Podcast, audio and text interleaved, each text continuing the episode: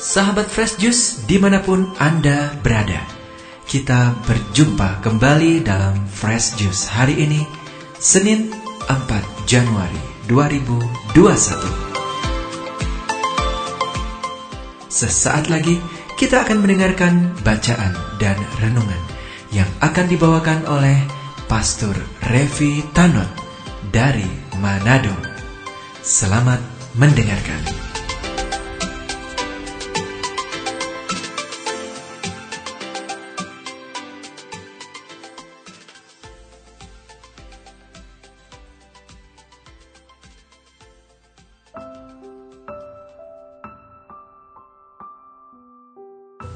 Sahabat Fresh Juice yang terkasih, betapa bahagianya bisa berjumpa lagi di tahun yang baru ini, tahun 2021, dengan berkat Tuhan yang luar biasa.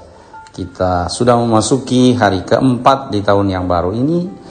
Sebelumnya saya menyampaikan selamat tahun baru untuk kita semua. Mari kita berkati hari ini dengan mendengarkan dan merenungkan firman Tuhan yang diambil dari Injil Matius pasal 4 ayat 12 sampai 17 dilanjutkan dengan ayat 23 sampai 25. Pada waktu Yesus mendengar bahwa Yohanes telah ditangkap, menyingkirlah ia ke Galilea. Ia meninggalkan Nazaret dan diam di Kapernaum, di tepi danau di daerah Zebulon dan Naftali supaya genaplah firman yang disampaikan oleh Nabi Yesaya. Tanah Sebulon dan tanah Neftali, jalan ke laut, daerah seberang sungai Yordan, Galilea, wilayah bangsa-bangsa lain.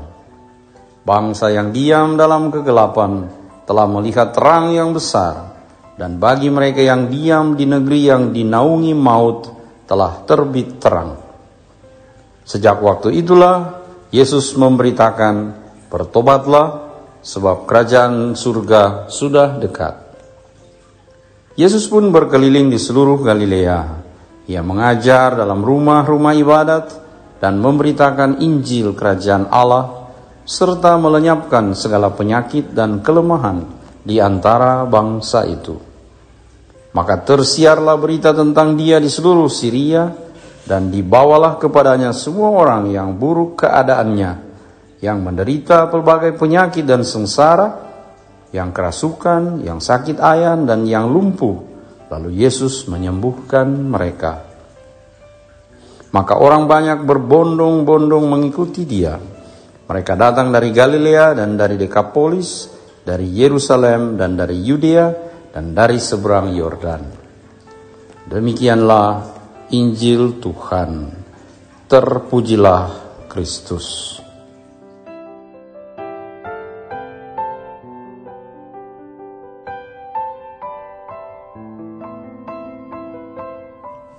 Sahabat Fresh Juice yang terkasih, peristiwa tragis yang menimpa Yohanes Pembaptis berdampak juga pada Yesus.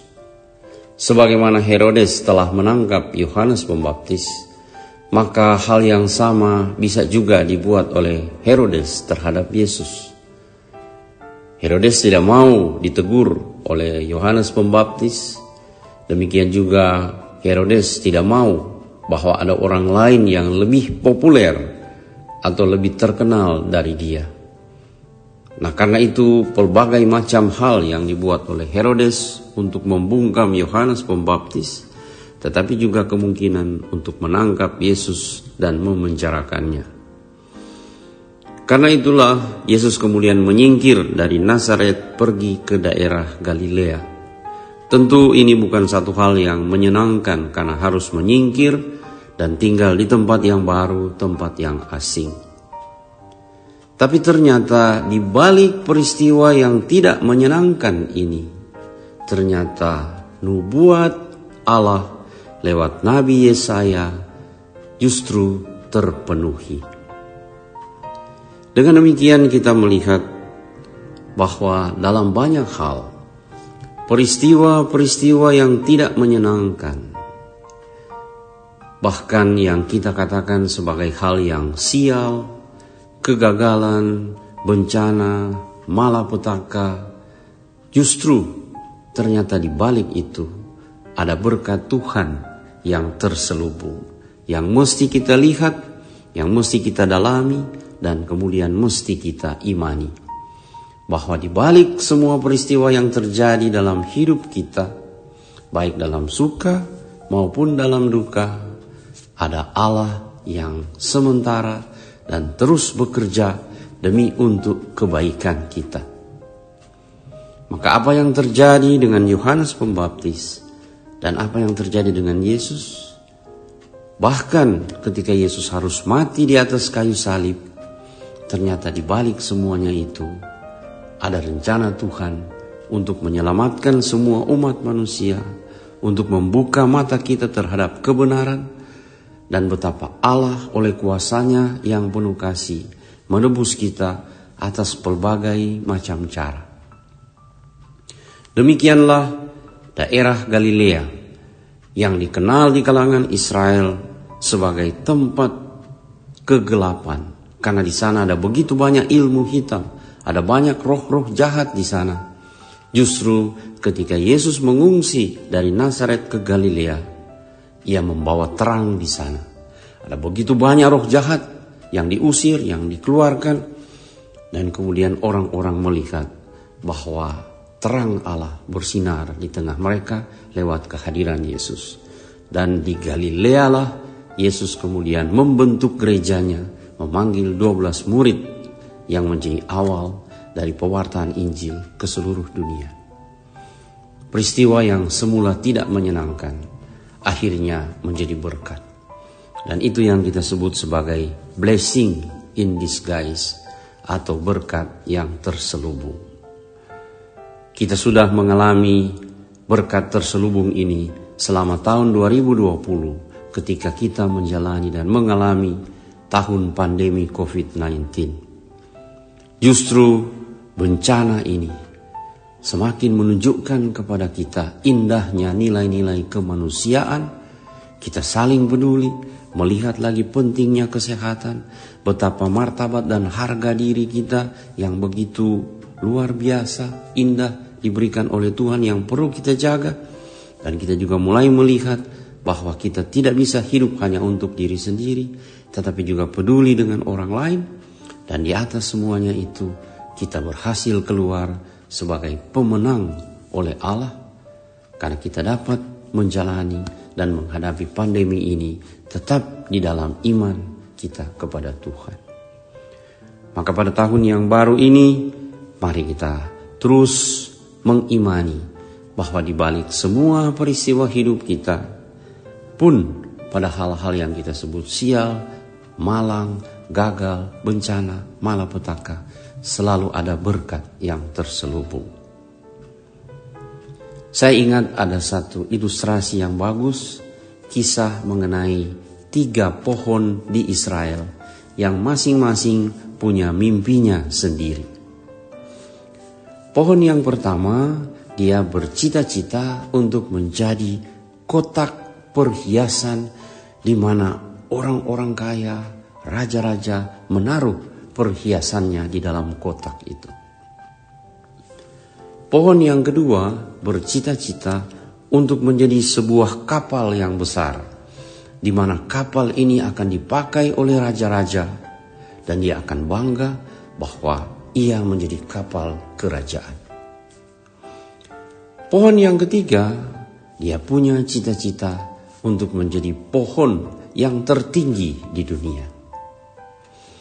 Apa yang terjadi dengan tiga pohon ini? Pohon yang pertama, yang ingin menjadi kotak perhiasan terindah dan termahal di dunia. Jangankan menjadi kotak perhiasan yang kecil, ia justru menjadi kotak tempat makanan binatang. Yang kedua, dia ingin menjadi kapal yang besar untuk raja-raja. Ia justru menjadi kapal kecil, kapal para nelayan. Dan poin yang ketiga lebih tragis lagi Sesudah ia menyampaikan cita-citanya untuk menjadi pohon yang paling tinggi di dunia, tak lama kemudian ia justru ditebang dan dibiarkan tergeletak di atas tanah. Apakah cita-cita mereka tidak terkabul? Apa yang terjadi dengan pohon yang pertama?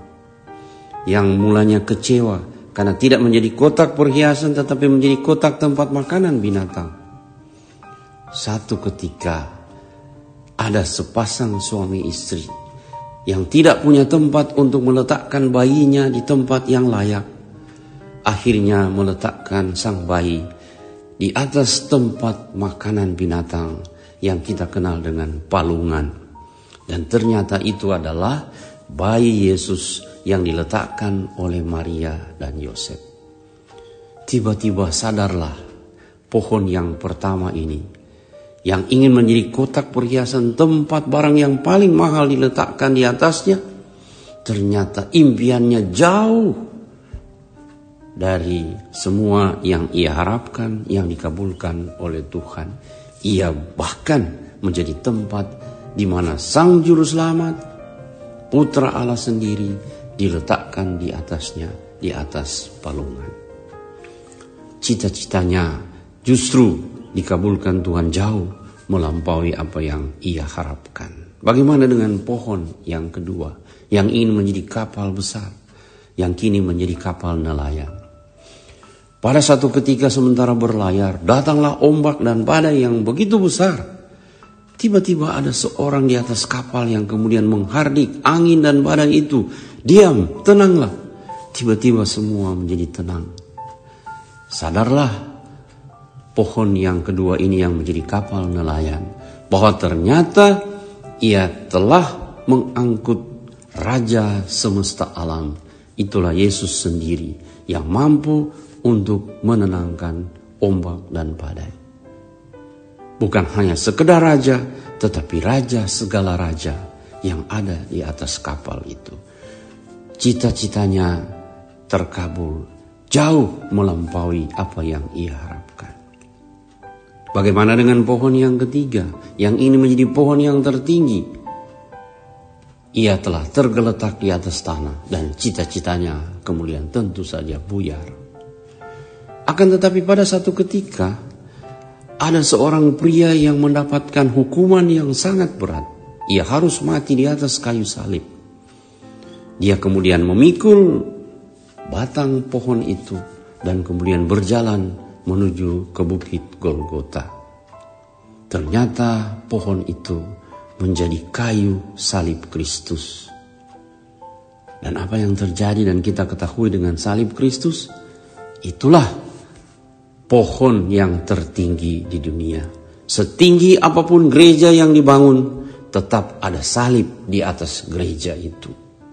Bahkan ketika orang terbang dengan pesawat terbang, membawa rosario di tangannya, itu berarti salib pun dibawa terbang ke angkasa. Maka tidak ada satupun pohon yang lebih tinggi dari pohon itu, yaitu kayu salib. Maka cita-citanya tercapai jauh melampaui apa yang ia impikan. Dan inilah yang kita yakini dan kita percaya. Di dalam tangan Tuhan, maka seluruh hidup kita diberkati. Apa yang menjadi cita-cita kita, harapan kita sepanjang tahun yang baru ini kita percaya di dalam Tuhan pasti dikabulkan dan kita yakin pasti akan melebihi apa yang kita harapkan karena Tuhan pasti tahu apa yang terbaik bagi kita. Maka baik suka maupun duka, baik keberhasilan maupun kegagalan, kita imani dan kita syukuri sebagai bagian dari berkat Tuhan, entah itu nyata ataupun terselubung. Tuhan memberkati seluruh hidup kita sepanjang tahun yang baru ini. Bapa, Putra, dan Roh Kudus. Amin. Sahabat Fresh Juice, kita baru saja mendengarkan Fresh Juice Senin 4 Januari 2021. Segenap tim Fresh Juice mengucapkan terima kasih kepada Pastor Revi Tanot untuk renungannya pada hari ini. Sampai berjumpa kembali dalam Fresh Juice edisi selanjutnya. Tetap semangat jaga kesehatan dan salam fresh juice.